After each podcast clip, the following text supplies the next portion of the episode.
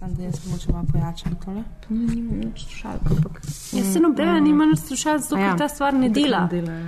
Tomič, kuj bem, nas bo kuj vrgu dol iz mreže. Sorry, ne se sej konce. ne fumamo rade micro amp, uh, H400 amplifier. Štiri ženske, En mikrofon, preveč filmov, preveč Lepo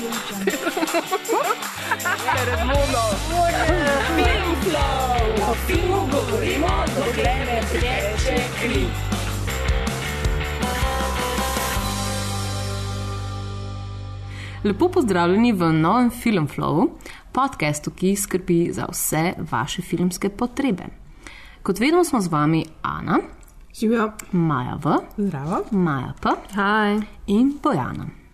In pa z vami je tudi približno 50 ljudi, ki jih lahko slišite mogoče v ozadju, vse, kadar bo kdo povedal kakšno dobro šalo, mogoče pa se bojo zasmejali. Uh -huh. Dejansko in to so vse slovenski režiserji ljudje. Uh -huh. Dejansko je. živi jih je. živi režiserji. Ja.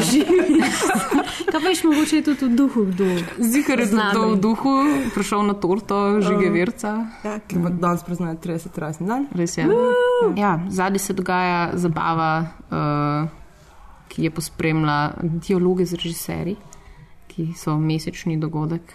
Um, tako da, ja, hence all this merriment. Yes. Ja. Ampak mi imamo tukaj resno delo. Ja. In sicer, um, zaradi tega, ker smo si za prvo pomladno oddajo tega leta izbrali dokumentarni film, ki ga sicer ni bilo moč videti na sporedu nedavnega, sicer pestrega programa festivala dokumentarnega filma. Ampak um, gre za film, ki se je malo bolj potiho prikradil na lesice mnogih seznamov najboljših filmov leta, pa mislim, da je tako zbudil tudi našo radovednost, vsej mojo zagotovo. Um, Še dodaten razlog za ogled smo pa našli v dejstvu, da se film ukvarja sam s sabo, s svojo lastno naravo. Um, v bistvu se s tem ukvarja njegova skoraj nevidna protagonistka. Nevidna, ker je vse skozi izven kadra, izven filma, pa vendar je tista, ki ustvarja njegov pogled. Camera Person je naslov našega tokratnega filma, njegova režiserka pa je Kirsten Johnson, ki je, kot ste mogoče že uganili, ker vem, da ste vsi pač ful pametni, uh, direktorica fotografije. That's pretty. Through that yellow flower. There's amazing wildflowers here.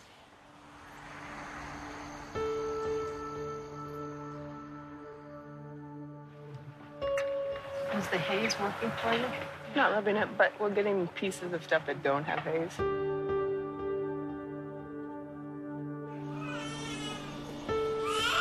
Was it an easy delivery, that one? Yes, she's, it's very easy. You got me. Is it okay if I film you? Mom?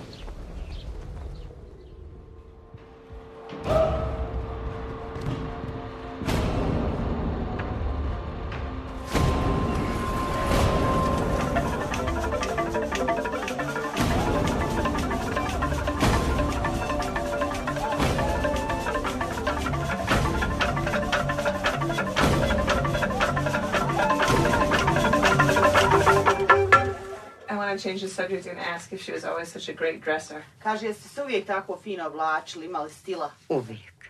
Kako bi camera person prevedel v slovenščino? Ja, jaz sem Snemalec? sem hotel Malko? Zato, ker je za nalaš oseba z kamero. da okay. ni spolno zaznamovano. Ja, oseba, za kamero. Ja. Ali pa oseba S s kamero. kamero. Kot je mo mož s kamero, ampak sem tukaj pa Ali oseba pa kamero. kamera, pomišljajo oseba. Oseba, ja. Ja. ja. Tako malo mal, uh, delozovsko. Mm. Ja, lahko bi pa tudi tu snemalec počutaj ka. Da eh, začnemo Aha. uh, ljudi Aha. učiti na ta nov način zapisovanja slovenščine. Thanks to Porišič. Ja.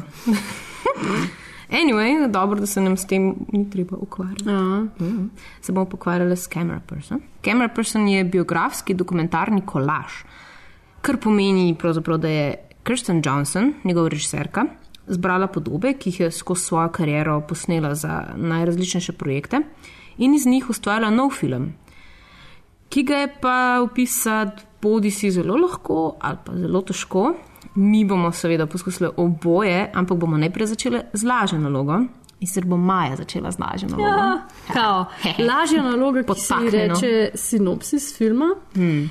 Jaz mislim, da je ta film skoraj nemogoče opisati skozi en plot. Summary oziroma opis neke vsebine dogajanja, ker, kot je že Bojana rekla, je to v bistvu um, autobiografski doku kolaž. Um, pa se mi zdi, da v bistvu najbolj ta film razloži že film sam, haha, kako mita. Um, že s takoj uvodnim skrinom na začetku mm. filma, ki basically je tak dva stavka sta, v slovenščini prevedeno. Uh, film pove, da pač. Um, Kirsten Johnson zadnjih 25 let že dela kot um, direktorica fotografije uh, na dokumentarcih in vse posnetke, ona, vse posnetke, ki jih vidimo v filmu Camera Person, je ona posnela za neke druge dokumentarce. Jaz sem jih naštela, da le obrnem list, 24 filmov, vidimo posnetke 24 filmov. In, ampak nas film in ona nas prosi, da v bistvu te posnetke, pa ta film, ki ga gledamo, Camera Person, gledamo kot njen. Um, njene spomine, njen memoar, tako, um, tako rekoč, ker so to v bistvu posnetki, ki so jo njo takrat zaznamovali in v bistvu se še z njimi zdaj ukvarja in se jih spominja in jih predeluje. Film si pa lahko predstavljate tako, da se v bistvu traja kaj uro, uro pa pol, tam nekje in vidimo za, zaporedje posnetkov, ko so dolgi lahko 3, 4, 5, 10 minut, lahko so pa tudi sam neki sekund. Film te toliko orientira, da pred daljšimi posnetki zmeraj dobiš uh, kraj, kjer je bilo to posnet. Pa čist mečkan kontekst. Pa zelo malo konteksta, včasih kakšen podnapis, če se kakšna oseba pojavi, je malo pisan, kdo je, drugače pa je v bistvu zelo velik na tebi, kot gledalcu, gledalki, da ugotoviš, kaj, kako, zakaj. Pa, kot je že tudi Bojana rekla, je v bistvu njene protagonistke nikoli ne vidimo, jo zmeraj samo malo slišimo, ali pa pač vidimo malo roko, ki neko travco odtrga, ali pa ko kihne. V enkrat jo vidimo. Enkrat jo vidimo, Samo ja. na, skoraj na, Na koncu koncu. filma. Na ja. koncu jo vidimo. Pa Ja. vidimo jo v senci, pa Ja. kdaj vidimo del njene roke. Pa tako Pa slišimo jo. se pojavlja Ja, tako ja. malo na robih. In, ja. Kar je meni bilo tudi uh, ful zanimivo, je to, da so bili to že prej posneti filmi, oziroma material za posnete filme, ampak ta material, ki je v tem filmu, pa ni bil uporabljen v teh filmih. Tako, tako da gre v bistvu pač za, za material, ki je bil posnet za neke druge filme, ampak ni bil pač potem Ja, za uporabljen. v teh ostanke oziroma- večinoma. Večinoma, večinoma recimo te ta prvi, uh, pa je posnetki ne, iz prvih filmov, recimo tukaj recimo v 80-ih se mi zdi, oziroma 90-ih snimala, uh -huh. ne v 80-ih še ni, mislim, da. Mhm. Ja, v 90-ih, v de- Ja, ker pač vidiš tudi, ne. Ker potem se kamera, kamera ja. se pač vidiš ta prehod tehnologije, ki je v 90s kamera, ki Ja. je v 80 tako full grain in pa pol ti, ti uh, sodobni. HD, vidi, ja, posnetki. Ja. Ja, in v bistvu si lahko pač um, posnetki niso taki tipični, klasični um, dolg posnetki, ker so v bistvu un. Um, Tisto, kar ponavadi izrežejo, to se pravi, ko se kader prestavi, ko se kamera prestavi, ko se kaj zamakne, ko pač je kaj niti ni izven fokusa, ampak pač mogoče niso spravili v uno zgodbo, pa to v bistvu in uni delčki, ki so mogoče v bistvu bili ne takrat bolj zanimivi, pa jih pač ni, pa jih režiser ni mogel, oziroma pa Edith ni mogel spraviti v film, ona se pa še kar z njimi ukvarja. No. Tako da. A so pač čisto bistvu- taki naključni, ne? To, kot Ja. recimo, ko ona šele nastavlja kader Ja, in, in so neke male pa nesreče.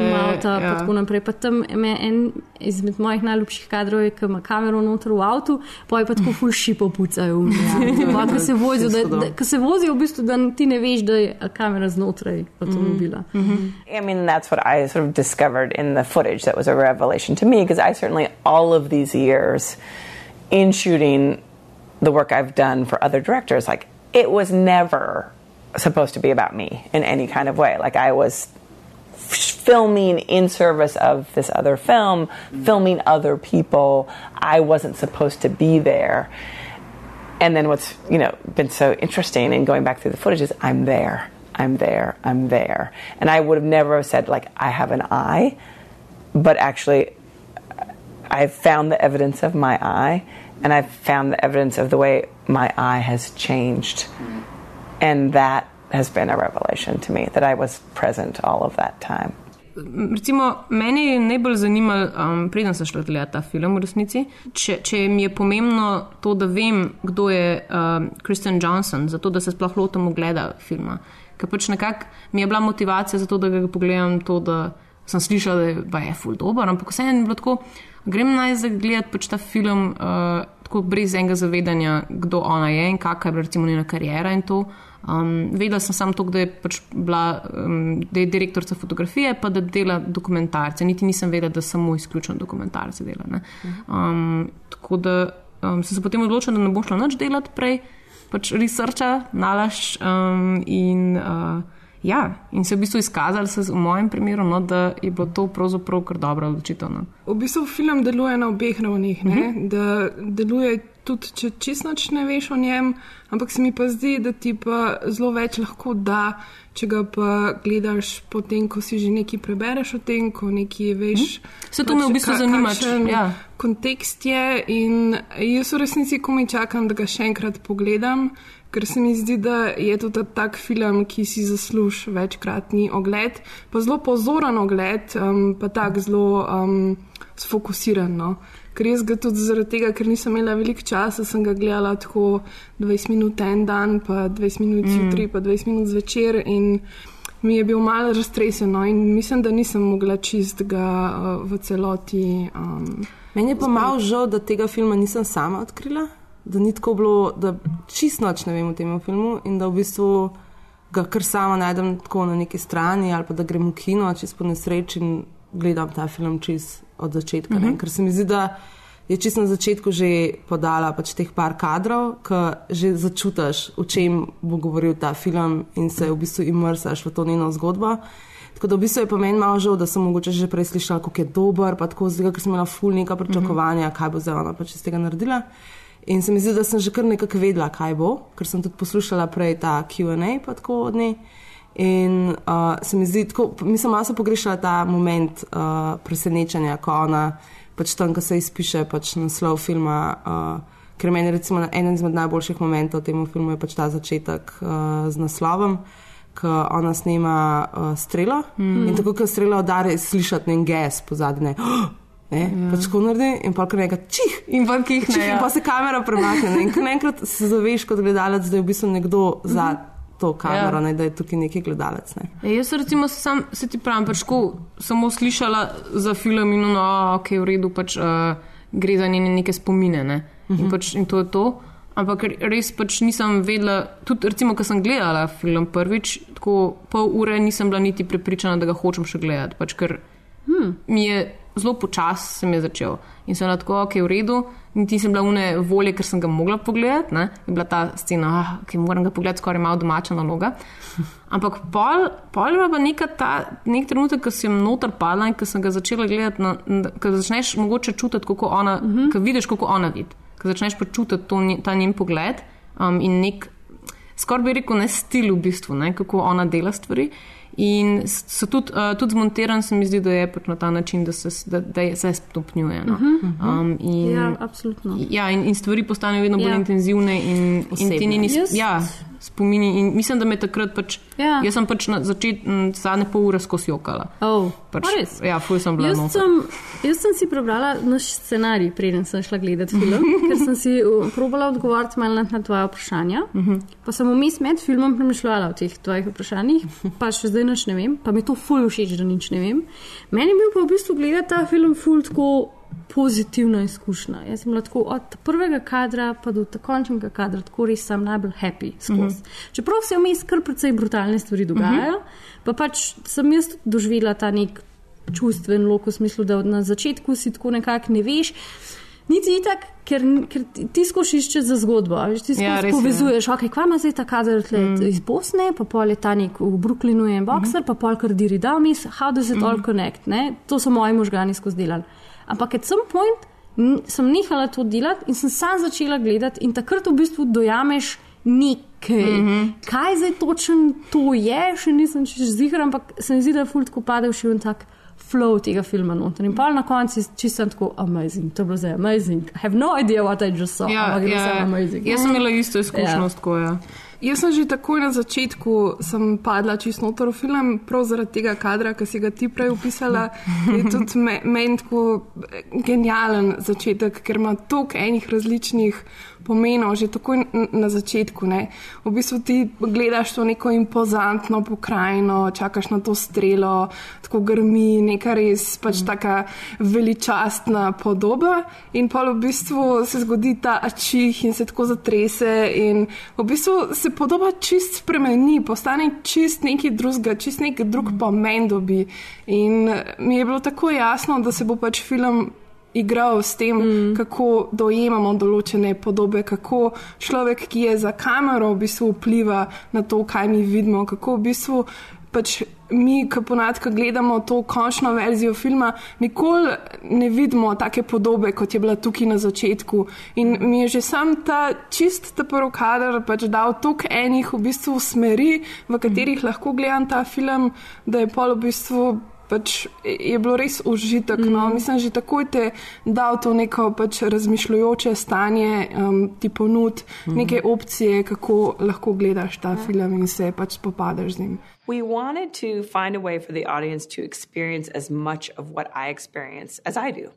So, you know, one of the things I experience is I go to different places and I return from a place and I go to another place, sometimes, you know, within 24 hours. So that you have these hard juxtapositions of realities. What we did in creating the structure of the film was that trust the audience, give the audience the tools to understand who I am, give the audience the access to the range of experience, give the audience what it means to be physically present, what it means to be present in a duration of time, Mogoče se lahko tega dotaknemo zdaj, um, ko smo rekli, da so recimo 24 različnih filmov, uh -huh. pravzaprav so prizori notrne. Uh -huh. um, in od tega so recimo stvari, ki so. Um, v katerih se ona recimo pogovarja z režiserjem, oziroma režiserka nje daje navodila. Ne? In smo recimo tako v enem trenutku, ja, kot si rekla, v, v Bosni, gledamo pač neke minarete in neko mesto in je pač, pač ta vzdušje. Potem se preseliš pač med ljudi nekam v Afriko mm -hmm. in potem si um, kar nekaj si nekje v, na, v Teksasu, ne? kjer je neko, ki se pripravlja na sojenje in kjer ima pač en odvetnik dokazan na mizi. In je, in je pač zelo. Zelo, zelo različna prizorišča, so zelo različnimi um, protagonisti. Enkrat to sploh niso, recimo, ljudje. Veliko krat imaš pač zgoraj neke um, recimo pokrajine in, pač in mesta. In kar, kar, sem, kar sem v bistvu se jaz potem fokusirala, je bilo to, da aha, okay, to so zdaj njeni spomini. In potem me zanima, zakaj si ona v bistvu točno te stvari izbrala. In sem se potem orientirala da okay, to so očitno stvari, ki nekaj pomenijo. In sem potem vse čas razmišljala, da okay, če bi zdaj jaz to delala, zakaj bi, zakaj bi mi bile te podobe. Um, Zakaj bi si ravno te podobe zapomnila? Kaj je bilo tisto? Ne? Tako da sem, a veš, in, in na začetku mi je bilo tako, a mogoče bojo zdaj pač vse te neke šokantne stvari, mm -hmm. pa neke smešne stvari, mm -hmm. ki se zgodijo. Ne? Ampak ni to enostavno. Ne? Tako da v bistvu, v bistvu je zanimivo, ne? ker ona pravi, da mislim, ker to je avtobiografski film. Ne? Na kakšen način? Na ta način, da je ona kamero držala. Mislim, po, po eni strani je v tem avtobiografski, da so med te posnetke njenih, um, njenega dela, se pravi, ki ga je upravljala za druge filme, so v, umontirani tudi posnetki, recimo njeni domači posnetki, uh -huh. se mhm. pravi uh, posnetki njene mame, očeta, otrok in tako naprej. Tako da pač. Je tukaj neka ta avtobiografska, meni se zdi, da je tudi avtobiografski v tem, um, da ta film poskuša predstaviti njeno delo, oziroma širše delo v bistvu direktorja fotografije. Uh -huh. Kaj je pač njegova naloga, kako on gleda na svet, kako on doživlja svet, kako on pač odreagira na določene situacije, s kakšnimi stvarmi se on sooča, v bistvu kakšen je sploh njegov življenjski stil. Ker recimo v filmu zelo veliko prehajamo iz enega kraja v drugega. In mislim, da je tudi v enem intervjuju rekla, ne, da tako je pač v njenem življenju. Zato, ko en dan si pač v Afriki, naslednji dan si v Bosni. In je v bistvu to, pač, da radikalno zamenjaš neka prizorišča, je čist neka vsakdanja stvar. In meni je bilo recimo to zelo všeč v tem filmu, ker se mi zdi, da so tudi izbrali take posnetke, da je ona nekako skozi čeprav je izven kadra, je nekako tako neki prostrani skozi prisotna na nek uh mhm, -huh, način. Uh mhm. -huh. In se ti skozi zavedaš, da v bistvu da ne gre samo za kamero, pa za ta pogled, ampak da je v zadnji mm. nekdo, ki gleda, ki se odloča, ki sprejema um, neke odločitve točno in tako to. naprej. Gre se točno to, gre se za izbiro. Mm -hmm. ne, gre se za izbiro, kaj ono, ti sem vse režiserji lahko da napotke, ok, posnemi mi zdaj vem, ta, to dogajanje, to pokrajino, ampak gre se za njeno izbiro, kaj bo ona v tistem trenutku, na kakšen način in kako bo to posnela. Ne. A bo kamero dala na tla, tako kot je posnela tiste ovce, a bo sledila temu modelu, a bo sledila neki drugemu dogajanju. Ne.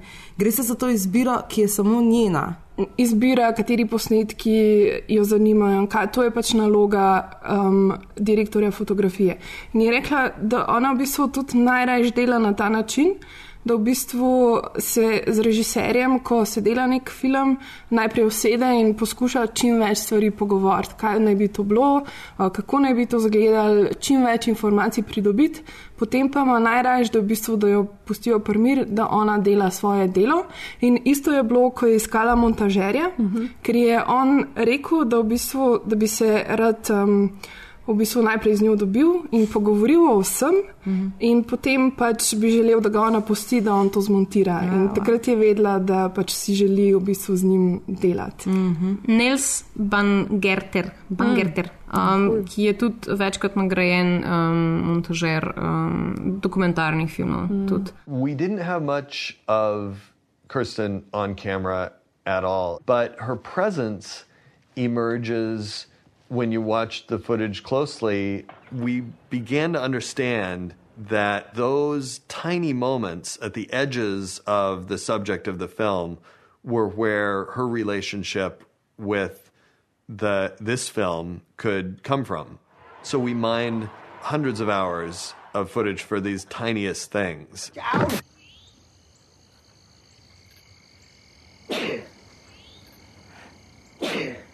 the best example is the sneeze in the title sequence. Normally, you would cut the sneeze out, but that's something that clearly goes in this film. Zanimivo je bilo, ker je res opoudarjala to njuno um, povezavo.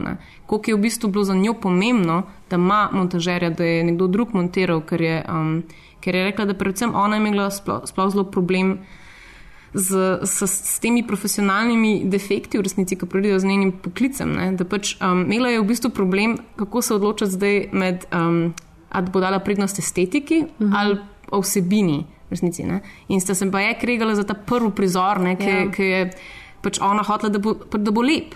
In, in on je v bistvu potem nekako. Um, uh, jo je prepričal, da je bolj pomembno, da, da, da neko. Ja. Kontekst, ja, ker prvi, prvi prizor so v bistvu ovce. Ja. Ne, un pastir, ne, prvi, a ni prvi prizor. Prvi prizor, uh mhm. -huh. sorry, prvi prizor so ja, ja. ovce, ki pač pastirček pride. In ko se jaz spomnim enega YouTube posnetka, je v bistvu bil v prvem planu, da uh, prvotno črta, da dajo um posnetek, ki gre, gre sta v Jemen, posnet v zapor. In je montažer govoril, da če bi dal ta posnetek izjemna, bi takoj v bistvu bil to nek thriller. We went back and forth and, and deliberated a lot about which scene to open the movie with. But we wanted something that was not too specific in a way. He's saying stop. I think he's saying stop. Get out of here. No, no, he can. We tried the scene in Sanaa where the driver, Kirsten and Laura Poitras, are going to film a, a prison. Yes, yes, they are calling us. Yeah. Yeah.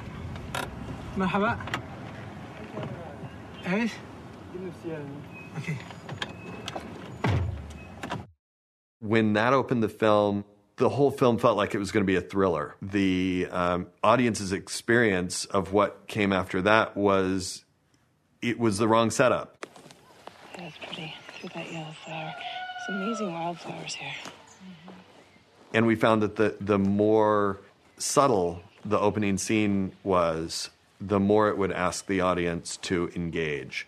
So in that scene in Bosnia, you hear Kirsten behind the camera you feel the camera moving around. You get a sense for what she's ah. doing. And it says a lot about what her role is, but it does it in a very hands off way. We knew that if the audience could begin with that, they might understand how to read the rest of the film.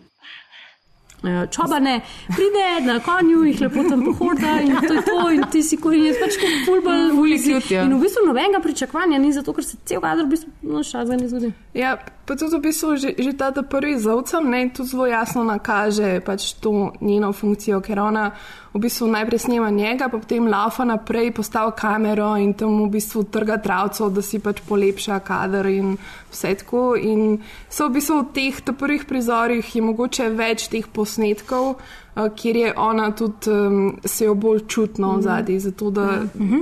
pač Res res, res vzpostavi ta, um, ta občutek, da pač je ona konstantno zadaj prisotna. Ja. Mogoče so tudi bolj banalni iz tega uh -huh. pogleda, ne? ker so v bistvu to so te um, stereotipne zadeve, ki si jih predstavljaš, pač, ko bo nekdo, pač, ki ima kamero v roki in, in hoče dober šot narediti. Ne? Pač, Ajde, gremo to travo potrgati, ker mi je zdaj pač ruško. Ne, pač grdo zgleda, kaj je bigal. Pa pač, ne, ko so tam, ko gledajo pač Sarajevo dol, jo, jo pač vpraša, a zdaj, ne, zelo je, zelo je pač um, blurry. Oziroma, Megli- meglice ja, so. meglic, meglice so in pač nima tako lepe slike, kot bi lahko bila. Ne. a veš, In, in, pač, in je že sam to zanimivo pač poslušati na začetku, ker, ja, točno postavijo v to vlogo, ne, kdo je zdaj ona. Mm. Potem se pa stvari začnejo nekako, um, začnejo dobivati v bistvu drugačen karakter. No. Začne, začneš v bistvu, te, v bistvu zelo potegne noter v same prizore, niti ne toliko več v to, ne, da ona komentira na kakršen koli način, pa je na kakršen koli način prisotna kot oseba v filmu. Ne. Ampak začneš pač, po moje, um, začneš povezovati ne, to, kar si v začetku videl, s Mhm. tem, da je ona v zadnji za to kamero. Pač, da, se, da se vseeno zavedaš, da je zdaj ona v zadnji, da ne gledaš zdaj kar ti enega dokumentarca. Ja, da v bistvu Ne, gledaš njen, kot- njen pogled. Ja. V bistvu tudi, jaz sem pa skozi premišljala o tem, okay, če so to kadri pa posnetki, ki njo zanimajo, zakaj jo zdaj to tako zanimajo. V bistvu, kaj je na teh tako posebenega. In sem mm. pa dolg cajt, dolg, večji del filma bila prepričana, da nam ona kaže kadre, ki so v bistvu. Ja, banalni, pa pointless, pa nimajo neke rezolucije. Ne? Mislim, a veš, nimajo enega zaključka. Tako ne vem, ta šiptar od nekje pride, nekam gre, mi v bistvu ne vemo, kam gre. Mm -hmm. e, Derida nekam hod, ne vemo, kam gre. Boksar, v bistvu ne vidimo njegovega fajta, kako zgubi, vidimo samo, da je pol izgubil. In tako v bistvu nik nikoli nimamo enega vune. Zaključka. Zaključka, tega res, ki ga poč- počasih pričakuješ. a Ne? Imaš ta nek dramaturški log, da pač se neki, neki se ne zaplet in pol vrhunci in pol razpletne. V bistvu imaš samo za eno zgodbo, v bistvu imaš, imaš res to nek ta, a veš, da ona pa pride nazaj in pa jim pove, "Ej, posneli smo film, kul jim je bilo, ne, ne, ne, ampak še to v bistvu je pol tako dost. Meni nič pa takega ni zaključek, A res, meni se je Ja. zdelo, da Meni se- meni se je drugače zdelo, da cel film ima zaključek in da je super zaključek, ampak tako da posamezne zgodbe so pa za nalaš v bistvu tako ja. pokazane, da ti v bistvu nimaš. Mislim, ja, imaš zaključek, ampak da določenih unih ključnih stvari ne, ne vidiš. Ključne Mhm. stvari včasih ne vidiš. No, ne vem, to se mi zdi tako. Se ne, da jih pogrešaš, ker funkcionirajo brez, sam zdel se mi, da je. Meni se pa zdi, da vsak segment pove skoraj mm -hmm. eno in isto stvar. Mm -hmm. In se mi zdi, da vsak segment je neka zaključena celota. Ker tudi ta Derrida segment se mi zdi sam genijalen. Mm -hmm.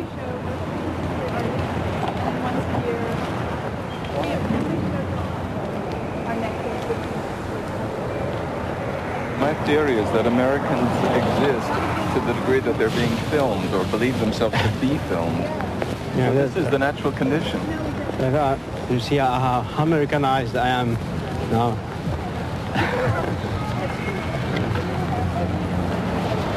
Careful.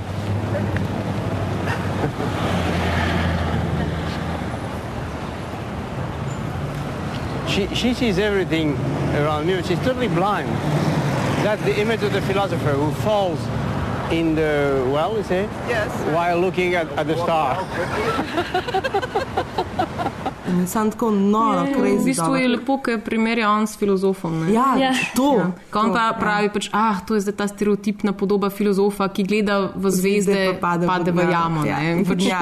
Ja, Ampak ja. tudi ona sebe, ona seveda je pač, um, treba je omeniti, da je ona na NYU Mhm. um, profesorica. ne. Ona, je- ona v bistvu, um, mislim, da prouči, Ja. poučuje pač fotografijo, um, sprav kamero, študente. In, um, Se, mislim, da je tudi, uh, če greš recimo vem, prebrati na Wikipedijo, kje se vse učila, pač bila je um, tako na, na uh, ameriški šoli, uh -huh. potem šla v Francijo. Ja, tudi, ja. In je v bistvu ona ima, ona je zelo teoretičen človek. Ne? Ja, Poseduje je- zelo veliko znanja, sploh recimo jo zelo zanima um, postkolonializem. In, Ja, pa ona ima v bistvu ful tako filozofske nazore. Jaz sem probala gledati in malo advanced level intervju z njo in sem bila, pač, do, preden, preden smo snemali, pa ura je pol po noči ponozila. I was way too tired to understand. Ampak je ravno ta posnetek zdaj dajem, ne pa to, kar reče, da v bistvu pač ta filozofka gleda v zvezde, pa pol pade ne, v, v jamo. Se mi zdi, da je v bistvu ena ta premisa tega filma tudi, ker v bistvu ona doskrat govori v bistvu o tej etični dilemi, ne, v bistvu o tem.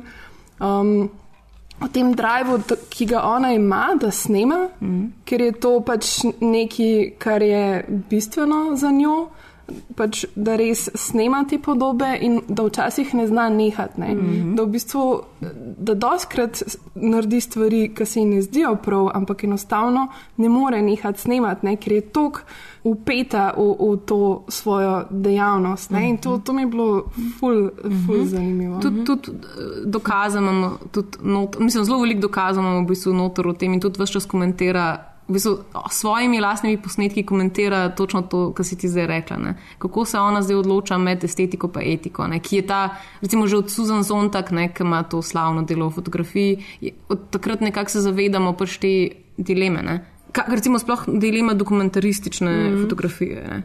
Um, vem, mislim, da vsi poznamo pač to fotko vem, veš, tih ne vem, stradajočih otrok, ki uh -huh. pač, veš, pa ne vem, neki te uh, ujede jih čakajo, da jih bojo pač. Mislim pa, ja. ja. zdaj v bistvu tudi v zadnjem času je zelo veliko recimo teh fotografij eh, beguncev, ki jih je naplavil Ja, na ja. obalo. Tudi o tem, naprej. evo, tudi to je tudi recimo. En Tudi- zelo aktualen primer tega. Ja, dejansko imamo noter pač te- tega sirskega um, um, dokumentarista, isto, ki uh Mhm. -huh. se ravno na to nanaša. Ne. Zdaj, kako portretirati nasilje, kako smrt. Ne. Tako da, um, mislim, meni je bil en najljubših teh posnetkov, zihar, mislim, najljubših. Ful je bilo, pač to je bil thriller, ne. to je bilo res tako najbolj napet eh, pri- prizor v bistvu uh, zame. Je bil, ker so pač kle v um, Fočaje, uh -huh. Foča v, v, um, Bosni. v Bosni, pač nekje tukaj v tej družinici muslimanski, ki je pač ena od edini- od edinih, ki so se potem po tem um, genocidu dejansko nazaj preselili in srečno živijo, pa je še zdaj tam. Ne? No, glavno jim pač, ko je ona prvič tam in snema zdaj to uh, idilično življenje na kmetiji. Ne? In sta potem dva fantka, pač en malo starejši, ne? pa en malo mlajši, pač brata. In uh, jo ona pač snema, ko se igrata. In potem pač ta starejši brat začne malo tako sekiro se igrati in pač tako začne malo sekati tam. In se ve, da tako pač par centimetrov stran je ta njegov mali brat, skupaj par let star, ki mu je jasno čisto najbolj zabavno to sekiro zdaj poskušati ujeti. In, in pač slišiš ti, kako ona v zadnji začne težko dihati in kar. Začne neki komentirati, in pač ti sam čakaš, da bo on zdaj pač tako ne roko odsekal temu tam mamu. Ne? In, in potem se pač vse srečno izplete in gre. Ne? In pač v tistem trenutku si ti tam z njo ne? in ti čutiš pač to, kaj naj zdaj naredi. Ne? In pač, veš, jaz sem, jaz sem pričakovala, da bo ona šla tja in pač ne. Rekla je, bi ga ne, čakaj, bo vzela zdaj to sekiro njemu iz rok in pač A? rešila situacijo. Kao, ne? Jaz pa ful nisem. Jaz sem se pa ob tem tako posnetku počutila tako zelo, haha, le ti otroke hardcore, ki se tle igrajo. Ne, To so ti bosanci. To, ne, mislim, ne, ja, mislim, to je un, tako pač ja. ne zavijati ljudi v vato, noč se jim Mm. ne bo zgodilo. Pa- pa V bistvu sem bila v vseh posnetkih, tudi v unmu zelo groznemu v, v, v Ugandi, ki je, ki, ki je v porodnišnici, Mm. mm. ki se un dojenček rodi, v bistvu ta, drug, ta drugi od izmed dvojčkov. ja, ki ne more dihati. k- Ja, ki ne more dihati, zato ker ga tudi za nokce ven potegne, kar je meni še bolj grozen, to uh, ljudem Mm. spuka kolke. Ampak sem bila tako, jaz sem bila tako, like I was extremely, mislim, extremely happy. Jaz sem bila tako, ful, ja, to se bo zdaj zgodilo, ona ga bo zdaj tle, pač dvakrat ga bo sekala po hrbtu, ker to so tako včasih ljudje delali in potem je otrok preživel ali ne. Ampak to se je to zgodilo in to tako je. In mi tukaj zdaj pa ni čarmo, zato ker smo neki popolnoma drugega navajeni, ampak to je življenje in življenje se tako dogaja na ta način. In sem bila tako extremely calm. Poleg tega je ta, una, najbolj mi je bilo pa to noro, itak, da je, pač obsta, da je en posnetek, ki pač ima žensko karujeva, ne? Pa pa ta uh, babica.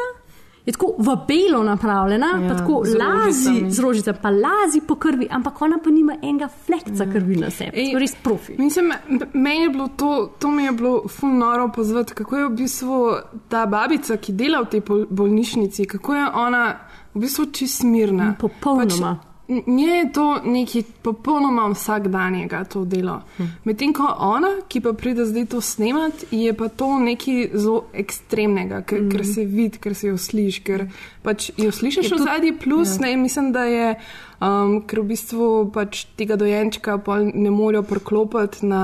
Um, ja, razmere so ful slabe v tej državi. Pač, pač pa je, da je pač bilo to zato, ker niso imeli enega adaptorja ja. in ona je imela pa v svoji hotelski sobi en točno ta adaptor, ki bi ga lahko za to um, pač poraben. In, in je ta v bistvu tukaj spet neka etična dilema. Mm -hmm. Mislim, a je ona zdaj tam zato, da posname, kako bojo to, ali je zato tam, da zdaj ona rešuje tega otroka. Mm -hmm. Ti si dejansko pred temi odločitvami, ki so resnične, resničnega življenja. Ne? Kako se ona zdaj zmore s tem soočati? Ne? To so pač stvari, na katere si jaz predstavljam, ona pač resnici še zdaj misli. Mm -hmm. pač vemo, Jaz mislim, da je pač super, da je dala noter te um, osebne posnetke tudi. Sprav, ko vidimo njena dvojčka, ja. ki ima tudi ona dvojčka. In, in ti razumeš takoj, zakaj je pač ne, tam ima tudi ona dvojčka. Aha, bum. Razumem, uh -huh. pač ful, se, mhm. ful se pač eh, ona kot mama tudi poistoveti s tem stvarmi. Ne? In imaš potem layer po layer pač interpretacij in uh mhm. -huh. kako si v bistvu bi lahko to, um, mislim, za vsadzga, mislim, mislim, lahko bi po mojem pač ne vem, zdaj uh, tri ljudje interpretirajo, pa tri bi pač na čist drug način recimo interpretirali mm -hmm. iste, mm -hmm. iste stvari. Ne? Absolutno. Some people need to know what happened to the baby. Some people know immediately what happened to the baby. Um, and, you know, it's evidence of my naivete in many ways that I didn't know what was happening to the baby while it was happening. People have radically different responses to the midwife. Some people, you know, speak of her with almost irreverent respect for what she is enduring as a human being. And then other people say, Why didn't she walk faster? And you think, Wow, you have not yet been in the worlds that exist, you know? Yeah. Um, so it's really interesting. It's a real spectrum of responses.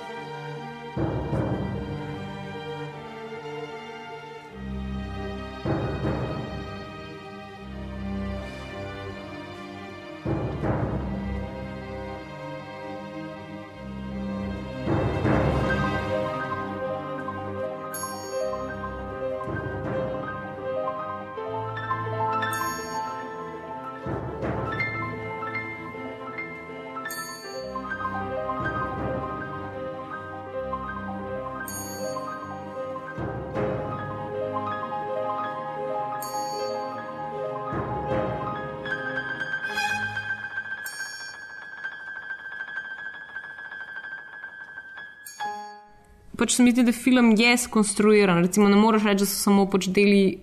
Ne, A veš, ok, imamo seveda odlično montažo, kar se meni tiče, pač perfektno montažo. Um, zvok.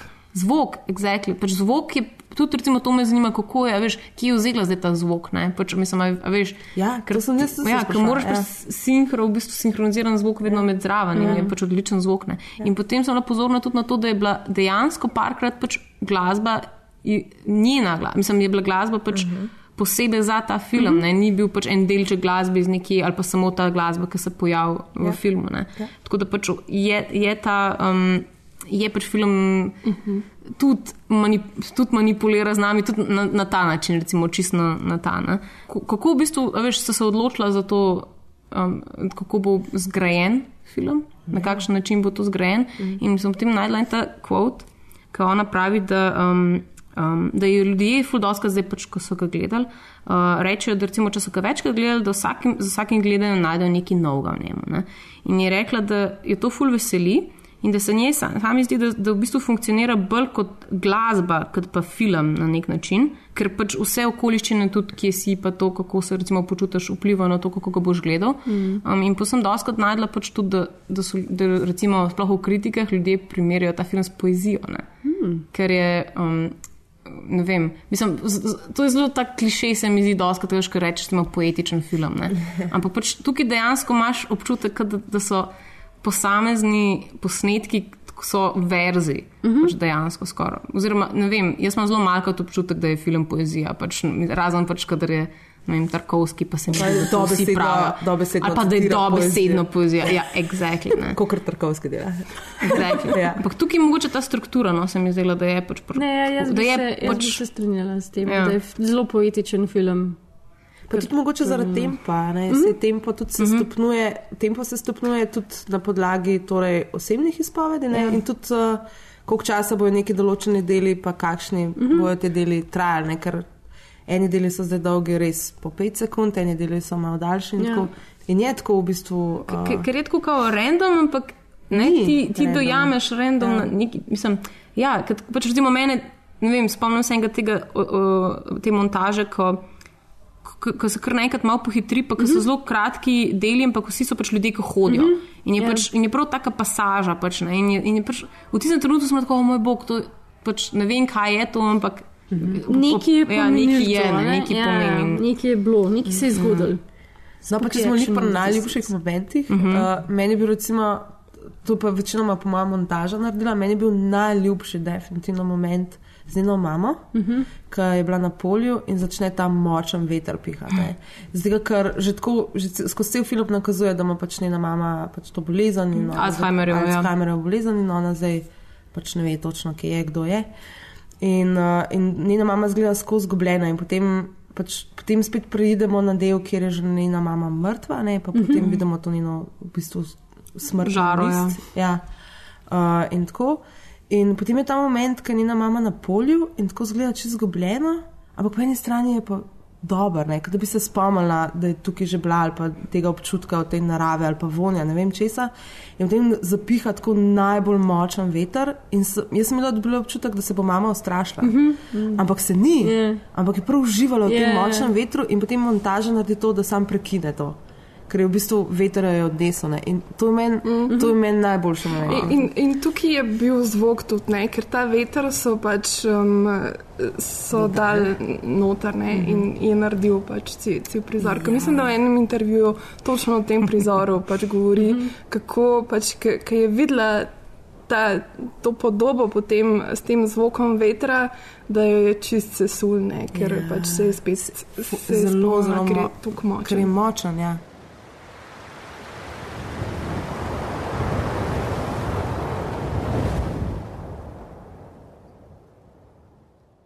Poslušala sem ta QA z njo na neki projekciji in je rekla, da v bistvu, mislim, da je bila ona tudi na nekih Sundance delavnicah s tem projektom.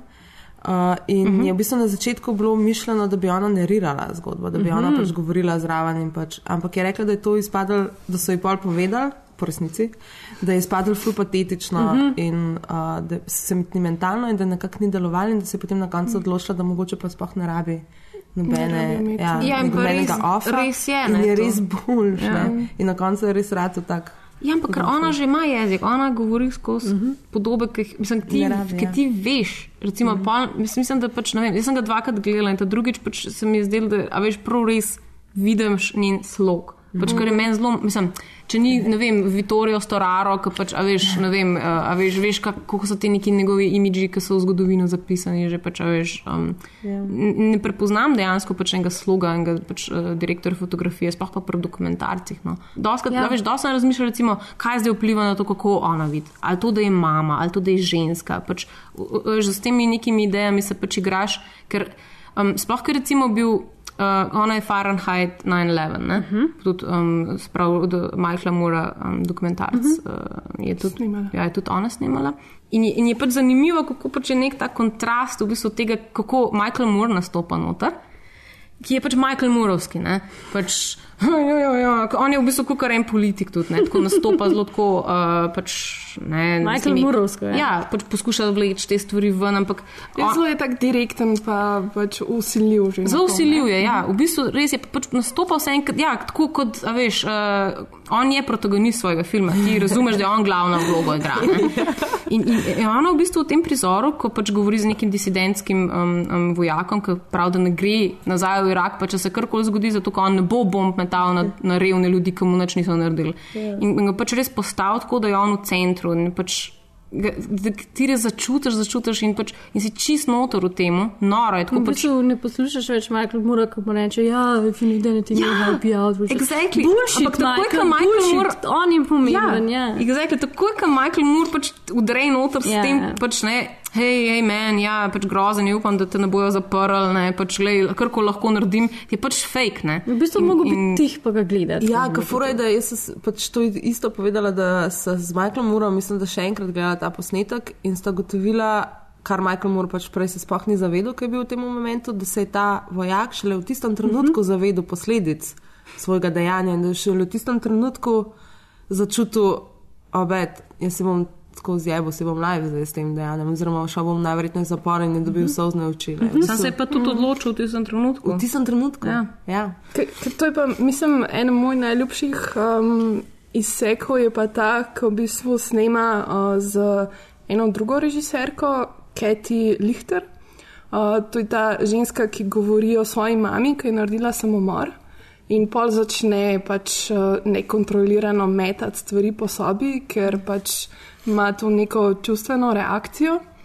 In potem v bistvu se zgodi nek ta moment, ko jo rata sram, da je to naredila, in je sam tako, o moj bog, pač zdaj bom vse to mogla pospraviti. In je tako čist in se hoče skriti tja za poslo. In mi je ful noro, kako v bistvu ona spet pride do nje, kako v bistvu naredi en tak krok s kamero, tako mal pač eh, snema steno in pride pol nazaj do nje. In potem pač njo snema v tem nekem res um, ful um, ranljivem momentu, in potem se zgodi tako ena ta. s- Tako sneg pade iz strehe, ne? in ona dejansko tako takoj zavrti to kamero in posname še to, kako ta sneg pade, in potem nazaj to žensko in se začne ta smejati. Mm. In je v bistvu cela pač ta dramaturgija, kako se v bistvu, pač koliko čustev je tako v, v vem, tem triminutnem posnetku noter, koliko enih različnih stanj in kako pač genialno je to, da ona pač na nobeni točki ni nehala snemati tega. Ne?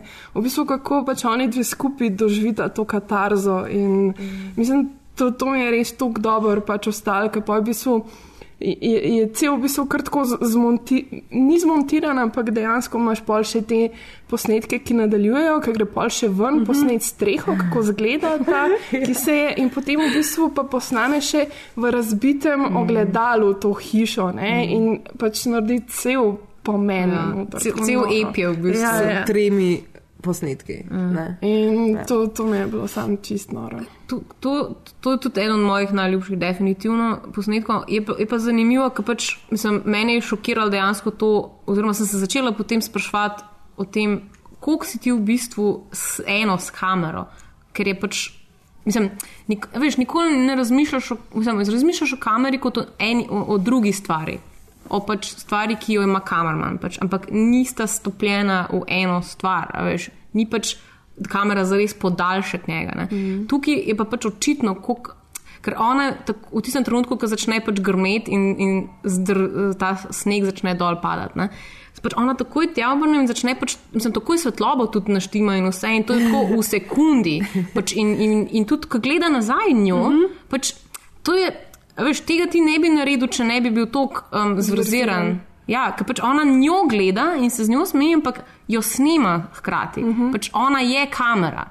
Uh -huh. Do, ni, ni razlike med njima. Ne? In je pač, sem v tem trenutku čist pač noro, skupaj s kamero se smejijo. Evo, pač. Ja, mislim pa pozabiš na kamero, ne? Ja. Mislim, v tem ja. momentu pač ni, ni kamere. Ni pač, kamere, ne. Oni dve sta tam. Mm. To, to, to je noro, ja. Right. And, and I mean, I think that's for me what's just been so uh, insanely pleasurable about um, this film coming together in a way that people can, you know, hook into it because I, because I want, like, for me, working with the camera is an experience of the body.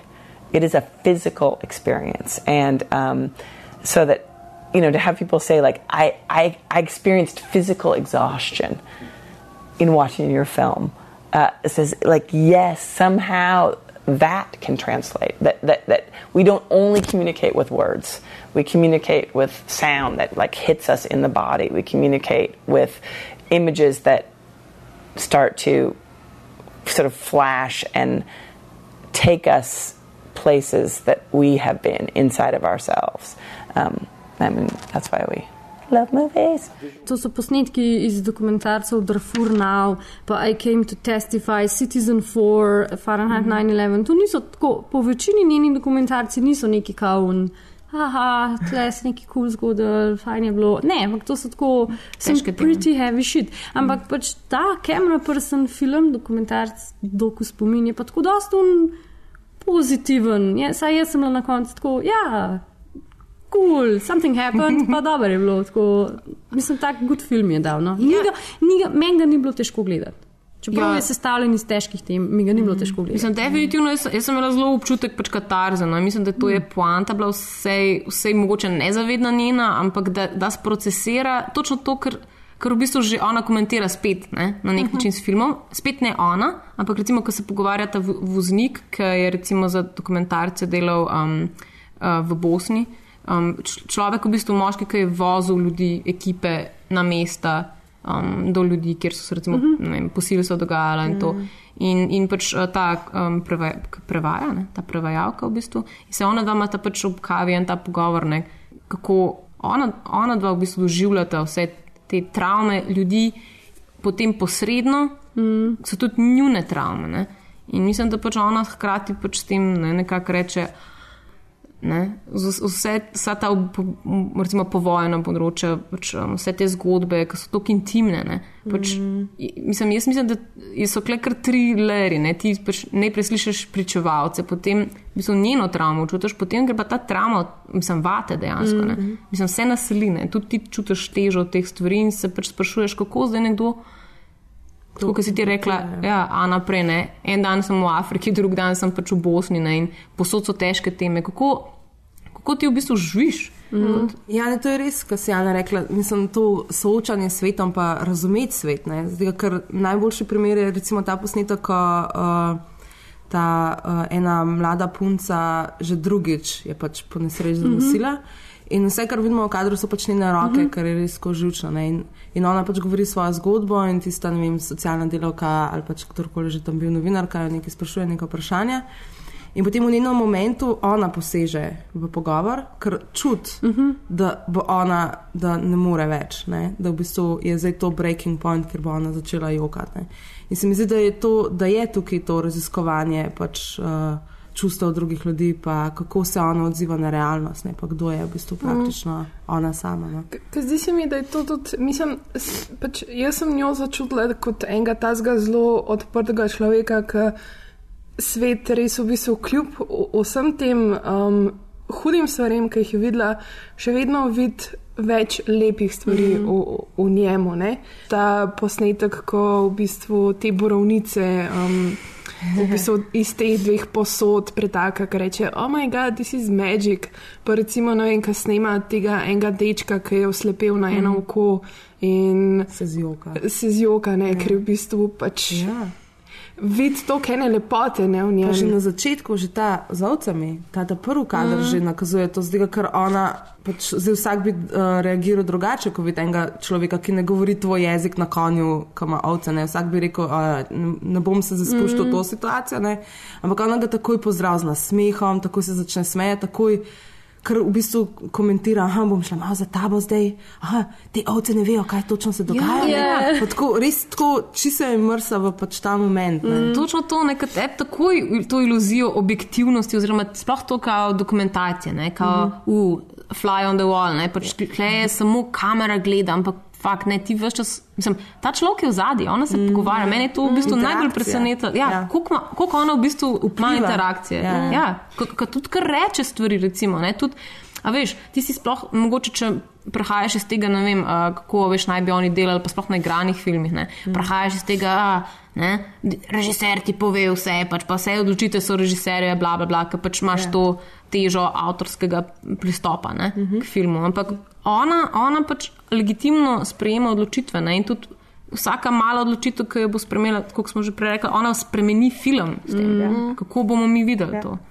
Ker tukaj se mi zdi tudi ful pomembno, ne, ker ona se mi zdi, da ima ta občutek za ljudi, ne, ker se zna povezati z njimi. Ja. In v bistvu re, res začutiš, da pač je njim v bistvu prijetno pač z njo biti ne, Mhm. v, v tem. Kako to tudi mislim, da na začetku reče, da pač vedno vzpostav ta stik. Ja. Mislim, sej, sej vem, da veš, da te snemam. Ja, ja. Mislim, da je to ta pač vzajemnost. ne. What I would love is, in some ways, to the soul that I um, wish to bear, my own soul. Mm. Bearing my own soul then gives some space for another person to bear their own soul, and we do that together, and that happens to be captured by a camera. Mm. To like, I don't have to compress the things that I'm saying into these pithy sentences. I can wander. I can search for an idea, I can discover something. And it sort of in giving that space and that time, then intimacy does develop because you see the way I think. I see the mm. way you think. And then all of a sudden we're like thinking about something together we didn't expect to be thinking about together.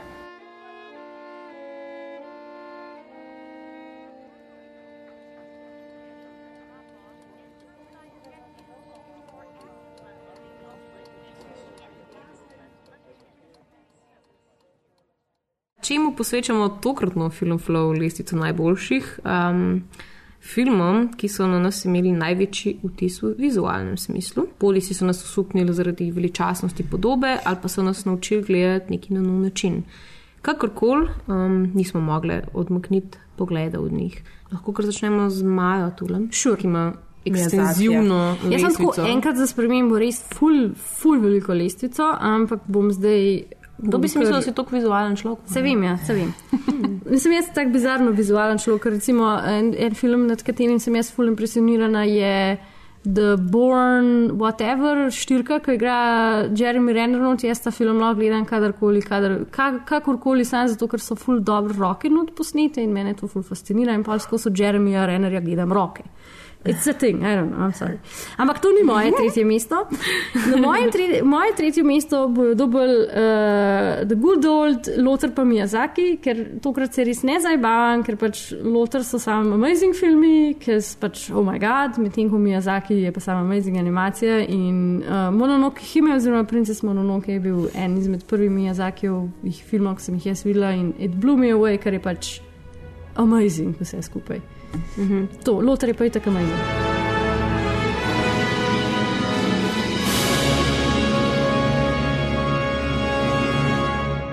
Okay.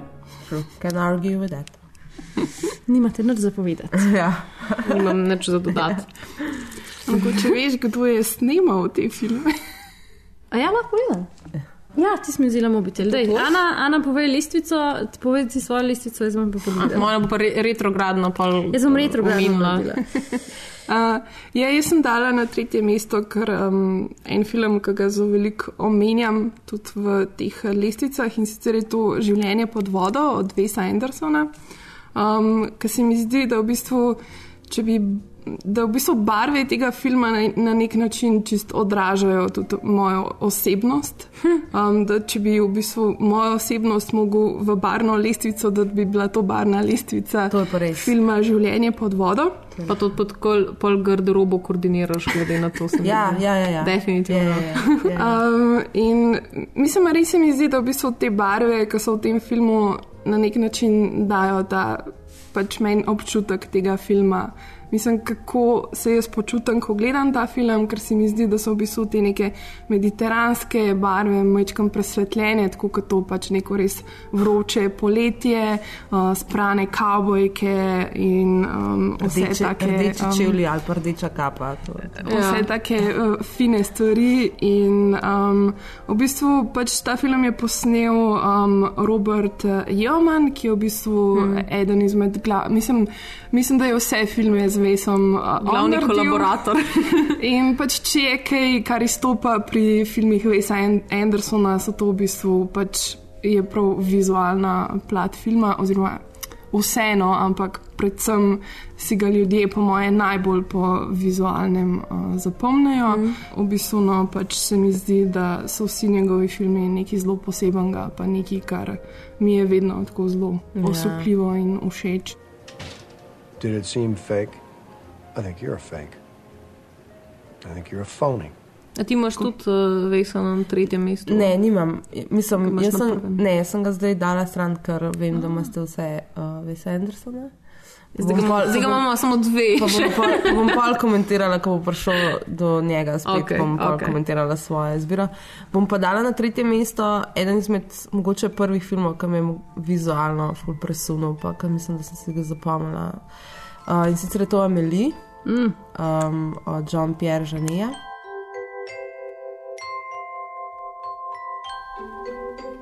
To je bil eden izmed mojih najljubših filmov, ne samo zaradi glasbe, ki je Jan Tirsen rado eden izmed mojih najljubših pač, glasbenikov, ampak tudi zato, ker so mi bile barve takrat imeli tako neverjetne. Tudi, uh, predvsem zato, ker so izražale njene emocije, kako se ona počuti v nekem trenutku.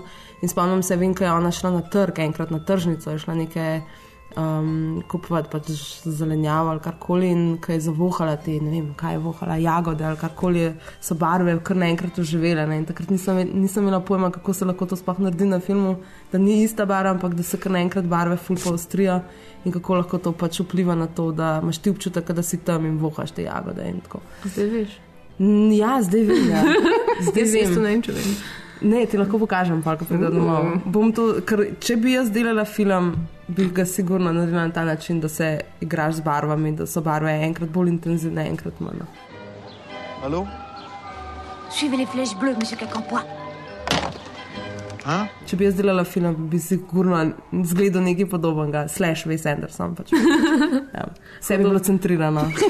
Vse bi bilo Pa. Amelie Barrow. Ja, ja, s, s, kaj je že uh, asimet, ne, simetrija. ne? Asimetrija, Mm, ja. ja. Ne, ne, jaz isto pač, um, mislim, jaz, jaz sem definitivno tudi na, na tem pageu, se pride do Wesa Andersona. Pač, um, je pa to zanimivo, no, ko smo se pač pogovarjali prej, da um, mislim, jaz sem definitivno šele zares se zavedla o m, pot, potence, ali kako bi temu rekel. Pač, Kako v bistvu on se igra z um, fotografijo, oziroma njegov pač, direktor fotografije um, v Moonlight Kingdom. No? K, Mm. Ker mislim, da tam pač tudi se res najbolj igra, no? ker je najbolj pač očitno, um, sploh tam mogoče že kar mal pretirava s tem njegovim uh, slavnim pač tem švenkom pač, Ja, ja, ja, ja. zoomom in te Ja. fore. In, uh, In, in je zelo, v bistvu zelo, na nek način je skoraj pač stripovski, na, na, na en hecen način. No? Pač kako, kako v bistvu zbira te um, prizore, ki Mhm. bojo pač noter in kako, kako kadrira. Tako Da,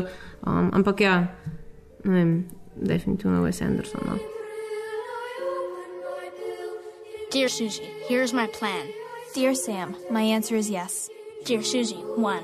Dear Sam, where? Dear Susie, walk 400 yards due north from your house to the dirt path which has not got any name on it. Turn right and follow to the end. I will meet you in the meadow. Cool. Um, nadaljujemo z drugim mestom. Jaz sem vam dolžna še podatek za uh, vmes. Google makes it possible, kdo so bili uh, cinematographers pri Lotru, pa pri Miyazaki. Pri Lotru je bil Andrew Lesnik. Ne vem, kako sem ga lahko pozabila, ker je pač on najboljši človek iz dodatkov. Uh, nažalost je par let nazaj umrl. Že uh, pri Miyazaki, pri Mononoke Hime je pa Atsushi Okui bil uh, cinematografer. Pa sem pa jaz dala na svoje drugo mesto, sicer od, od Aranovskega The Fountain. Ja. In potem takoj zelo pogooglala, da je v bistvu uh, DOP bil Matthew Libatik.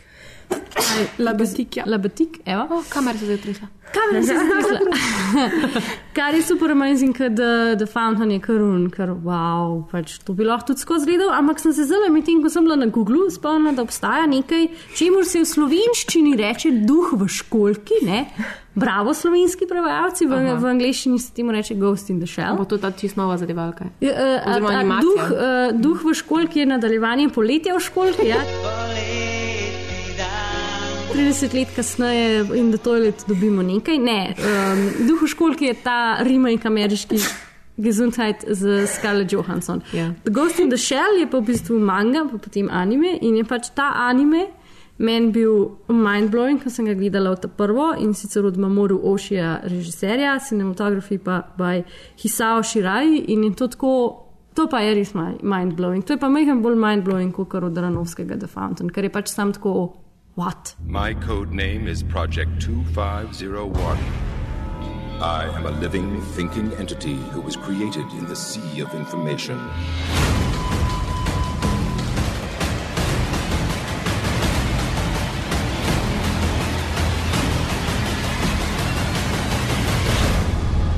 Ghost in the Shell. On Blu ray and DVD. Uh, ja, jaz sem na drugo mesto dala Viharni vrh od Andreje Arnold. Uh, v bistvu je to en film, ki mi je vizualno res eh, tudi um, noro mi bil všeč. Še zdaj se v bistvu spomnim vseh občutkov, teh barv. Mislim, res je taka noro intenzivna fotografija, oziroma zdi se mi, da je bila tako res 3D. Mislim, tako pač vohal si to zemljo, travo, dež.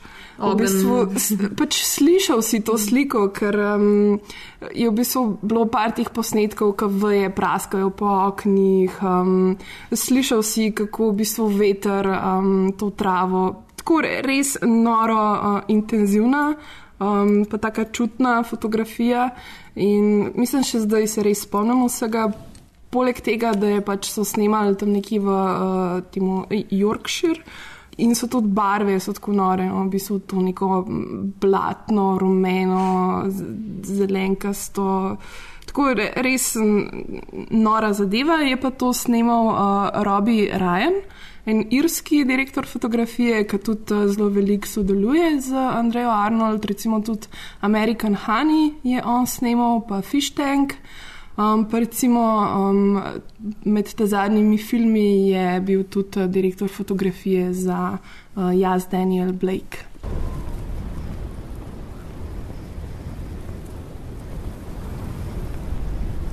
Na mojem drugem mestu je Lawrence Owens od Zavira Dolana, oziroma bi dala Zavir Dolana kar tako vse njegove filme na drugo mesto, ker se mi zdi, da so uh, vsi spektakularni, kar se tiče vizualne podobe, še posebej te njegove slow motioni in pa te njegove intenzivne barve, ker se mi zdi, da vsak film ima neko posebno barvo. Ne? Namišljene ljubezni ima pa tako, bolj tako rdečo. Mhm. Medtem ko Lawrence Owens je pa recimo ful zanimiv, ker ima res. Uh, Ful intenzivne barve, pa spet je tako veliko poudarka na emocijah in kaj te liki doživljajo. Pač se mi zdi, da ful zna z barvo in z gibanjem kamere uh, in z lokacijo povedati, kaj te liki doživljajo. Še posebej pri Lorenzu Owens je tako najbolj legendarni uh, pač moment, ko se dva protagonista sprehajata po ulici in dol iz neba padajo obleke v slow motion in tako čisto huda muska v zadnji.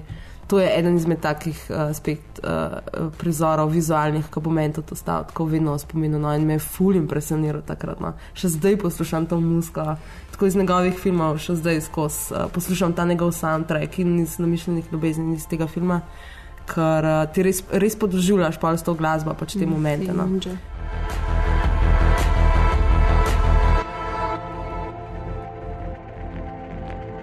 No, jaz grem pa ful nazaj v preteklost, v resnici, mislim bolj v zgodovino uh Mhm. -huh. filma. Um, a, in sicer imam isto pač um, kar režiserja tukaj, ker nisem šla pogledat, um, ker me časa zmanjkalo, kdo, kdo dejansko je bil njegov um, direktor fotografije. Mislim, da jih je bilo seveda več, ampak um, zbrala sem si Antonionija, ker je pač en od teh. Um, Pač od, od, od teh režiserjev, pri katerih pač sem začela tudi razmišljati, da okay, obstaja pač direktor fotografije in, kako se, in pa tudi v bistvu o tem, kako se on, um, kako kaj on sporoča prek slike. ne. Um, tako da mislim, da vsi njegovi filmi so nekaj, so nekaj posebnega um, z vizualnega vidika.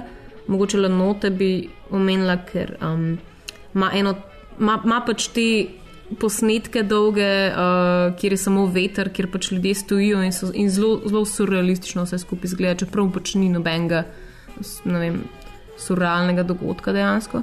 Plus, da um, je tudi, se tudi tukaj z zvokom, seveda, fuligrano. Mm. -hmm. Pa pač blow up, ki je pa mm -hmm. quintessentially pač film o fotografiji, tako da sploh ne bom menila.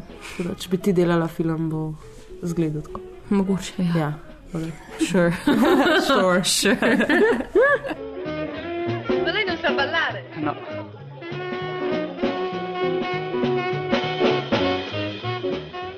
Jaz pa na svoje prvo mesto dala film od Tarsima Singa, The Fall, uh, DOP Colin Watkin- Watkinson. To je bil en tak film, ki sem ga jaz začela randomno gledati enega nedeljskega popoldneva nekje na, eni TV. In je zelo tak majhen film, but it blew me away, ker pač not lipa igra, pa zgodba o zgodbi je, pa načeloma se dogaja v uh, 20 letih prejšnjega stoletja. On igra kao filmskega igralca v Nemih, kao Buster Kitena, ki se Mm. poškoduje, pa pa v eni bolnici leži, pa eni punčki pripoveduje eno zgodbo in una zgodba je pač amazing, prav unamazing je in je full up, vse je full up. Na splošno se mi zdi Sink, s komorkoli mi dela, tudi recimo The Cell, njegov film, to je njegov ta prvi film, mm -hmm. ki je un, um, načeloma dosta obupen film z Vince Vonom pa Jennifer. E, Lor, Jennifer, Je, Jennifer Lopez, uh -huh. A, ki ja, igrata ja. un, uh, ki gremo, let's go into the psyche of serial killers. Mm. To je vse. Sam je hud film. Sam je ja. hud film, zato ker je pač hudo zgledan noter in pač scary je šit, pa Vincent D'Onofrio naredi dobre scene, zbiram, kadar on not igra. Tako da, a gre za vse, kar si naredi, zgleda res dobro, tudi če ni vsebinsko dobro. Ampak The Fall ima pa vse, plus Lipes. Amazing. Jaz imam pa na prvem mestu film Heroj od Žanga Imuna. Mislim, da je bil to eden prvih pač tovrstnih filmov, ki sem jih videla, se pravi o teh uh, kitajskih borilnih veščinah, um, ki je bil tudi vizualno tako nekaj zelo posebenega in se je res videl, da so zelo dobro vse eh, premislili, kar se tiče uh, kolor koordinacije in čustev in vsega tega. In v bistvu en prizor, ki mi bo po moje tako za zmeri ostal v spominu, je, ko eden izmed teh glavnih uh, likov v bistvu na en tak velik uh, papir piše to neko pismenko meč. In je tako s to rdečo barvo in s tem ogromnim čopičem riše po tem papirju, oblečen je v nek rdeč kimono in je sam tako neki najbolj norga to gledati. barve. Uh, je v bistvu uh, direktor fotografije pri tem filmu bil Christopher Doyle. To je pa en avstralski uh, direktor fotografije, ki pa zelo veliko dela uh, na kitajskem. In je recimo uh, v, bistvu snema tudi filme Wong Kar-vaja, ki so tudi zelo posebni in so tudi meni eni ljubših tako vizualno filmov, od Chungking Expressa do filma Razpoložena za ljubezen, uh, ki so vsi zelo tako um, vizualno mm. posebni. La più consistente scoperta che ho fatto pochi giorni dopo aver compiuto 65 anni è che non posso più perdere tempo a fare cose che non mi va di fare. Moje prvo mesto, absolutno zmagovalec. Uh, Paolo Sorrentino, uh, The Great Beauty, La Grande Bellezza. Nice, nice. Thank you, Vera, Sì. thank you. Uh, It's nice to be appreciated. Yes. Uh, Luka Bigazi je uh, direktor fotografije. Tako razmišljala sem, zdaj, zakaj mi je La Grande Bellezza v bistvu tako všeč, zdaj, ko smo se pogovarjali. No. In v bistvu sem ugotovila, da mogoče zaradi tistega razloga, zakaj mi je tudi camera person všeč, zato ker uh, ti daje občutek veličastnosti. Daj ti občutek, da, ker se mi zdi, da okay, Sarantino je dosti tako religiozne filme, bi lahko rekel. Pač mm -hmm. se mi zdi, da je. Um, Tako, človek bi rekel, da dela film o Bogu, ampak mm -hmm. se mi zdi, da najde vedno Boga v človeku. Mm -hmm. In se mi zdi, da vedno človeka postavi v nek ta kontekst veličastnosti in narava in mesto in vse in vodnjaki in vse, kar je človek naredil, je tako neki uh, gromozanskega. In, in se mi zdi, da mislim, vedno, ko gledam Sarantinove filme, razen The Youth, ki mi pač ne daje tega občutka, mm -hmm. ampak. Uh, še posebej pa La Grande Belica, se spomnim vedno na te momente v svojem življenju, ko greš ven na prvi poletni dan, pa se ti zdi vse mogoče. A Ne, zdi se ti, da si ti tisti, ki bo osvojil svet zdaj v tem trenutku, ne, da je svet tvoj. In, uh, in zaradi tega imam rada in to naredi nekako uh, s temi ful lepimi posnetki. No.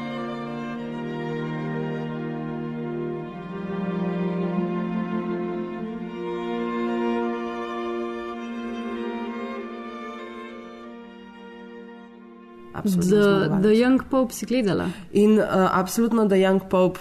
Uh, Ker je on, ker je pač ja, isti. uh, sem Paolo gledala celo, celo, celo Mm. mm. serijo in na začetku se je pač malo bizarno, ker je res Mhm. čudno narejen, ampak uh, uh, dobiš, mislim, je, so ti momenti mm -hmm. noter, no, so ti momenti njegova ki ga on postavi te ljudi v, neke, ne, v neko okolje, kjer začutiš to oddaleč Ja. yeah. snima, ne? oddaleč snima in začutiš to njihovo veličino v, v tej svoji majhnosti. Ja. ne. Pa je tako ta rimski monumenti, pač scena, tako kot pa ja. jemlje Ne, iz to, tega. ja, to imajo, ki si rekla, da on snema Boga in, in ga potem na, in Boga najde znotraj ljudi, se mi zdi, da je kar se bo zgodilo z The Young Pope. Ja. Njem. V njim, ja, v tej četrti eh, Ja, sezoni, če bo kadarkoli Ja. sploh prišlo do tega. Ne, ko sem pogooglala, če, če je to, to je, je Google mi ponudil se, se, se, season 2, pa ne vem še, kaj to pomeni. A bo Ja. ali ne bo? Jaz upam, da bo no. Ma, Meni je bilo, meni je bilo kar kul. Lahko bi bilo, ne? Uh, ja, moje prvo mesto je pa pač spet klasika. Pač ne vem, vse, vse, mogoče, mogoče pač na začetku, ko sem začela gledati filme, mi še ni bilo vse tako samoumevno, kot zdaj ali kaj, ali pa ne vem. Mogoče me zdaj sam preprosto niso, no- noben film ni tako močno um, impresioniral kot v tem smislu, no, pač um, vizualnem kot takrat. Ampak spomnim se recimo, pač Citizen Kane. Ne? Um, film, o katerem sem veliko več brala, kot, kot pa potem dejansko ga videla. In to mislim na ta način, da pač, ko sem prvič brala o, o tem filmu, seveda pač od um, Orsona Wellesa, pač najboljši film vseh časov, bla, bla, bla. Um, je bilo vedno zelo podarjeno, od, uh, kako je pač fotografija tukaj, kako je on v bistvu na inovativen način fotografijo uporabljal in si je upal pač nekatera pravila kršiti, kar je bilo seveda šokantno, zaradi tega, ker je on pač režiser, ki, mislim, to je bil njegov prvenc. No. Režijski um, in seveda v Hollywoodu. In sem jaz pač prvič ta film gledala na mehkem računalniku, na Unmoše, ki je full ogromen, pač, pa mislim, mehen zaslonček, pa full velik računalnik scena. Um, in seveda pač eh, ne vem. Pač gledam ta film in sem tam tako, ja, ok, se je zanimivo, pa to sem, I don't fucking know, kaj govorijo ljudje. Pač, pa tako malo čuden je zgledal no, v resnici, pač kot čudni kadri so bili prav. Uh, dokler nisem se vedel, da jaz pač tega filma videl v kinu, ko me pa pač nared vrgo, ne? Ja. ker preprost ne znam opisati, ampak um, tako kot ti recimo govoriš o veličastnosti pri Sorrentinu, pač so tukaj pač stvari pač posnete na, na, na načine, ki jih pač ne veš uh, točno, kako je to naredil, ampak pač zgledajo stvari drugače kot v drugih mm. filmih. No. In um, je treba omeniti, da njegov- njegov pač eh, direktor fotografije je bil Greg, Greg Toland, ki je bil zelo izkušen um, direktor fotografije v tem trenutku. In seveda obstaja milijon zgodb o tem, kako se je Orson Welles naučil vsega, s tem, da je gledal pač uh, Stagecoach od um, Johna Forda stokrat. ne. In, in tam se je tudi naučil, med drugim, kako dejansko pač um, fotografijo pač v filmu uporabljati. In Greg Toland je pač imel pri tem zelo veliko. No. Tako da um, je pač čisto iz tega šolskega primera mogoče kako gledati film in, in pač fotografijo njemu največ pomeni. If you could have found out what that rosebud meant, I bet that would have explained everything. No, I don't think so. No. Mr. Kane was a man who got everything he wanted and then lost it. Maybe Rosebud was something he couldn't get or something he lost. Anyway, it wouldn't have explained anything. I don't think any word can explain a man's life. No, I guess Rosebud is just a piece in a jigsaw puzzle. Missing piece.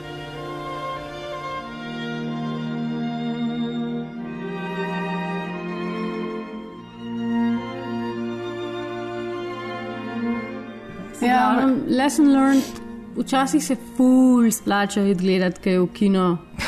Da pejte kaj Ja, v nice, nice lesson si potegnil iz tega. Pejte kaj v kino gledati. Ne, Ne, ja, ne iti v šolo za filme, pa, Pa pejte v, kaj v kino gledati. Ko bi v Sloveniji stajal uh, kino, ki ponuja tudi projekcije starih filmov, ne samo hollywoodskih blockbusterjev. Hmm. Maja, the, extension, the PR extension of, Of slovenske of, kinoteke. of official PR extension. ja. Ja, um, to je bilo to. Upam, da ste se naučili gledati filme na nov način. Če ne, pa vse pač pejte pogledati, oziroma najdete Camera Person in upam, da ga boste videli, pa imeli možnost kjerkoli videti. No, ampak, Boj, da se ga tudi da kupiti na Blu-rayu. hej, vreden je tega. verjemite. Mhm. Tako da, um, hvala, da ste bili z nami. Pa se slišmo naslednjič. Bye! Bye.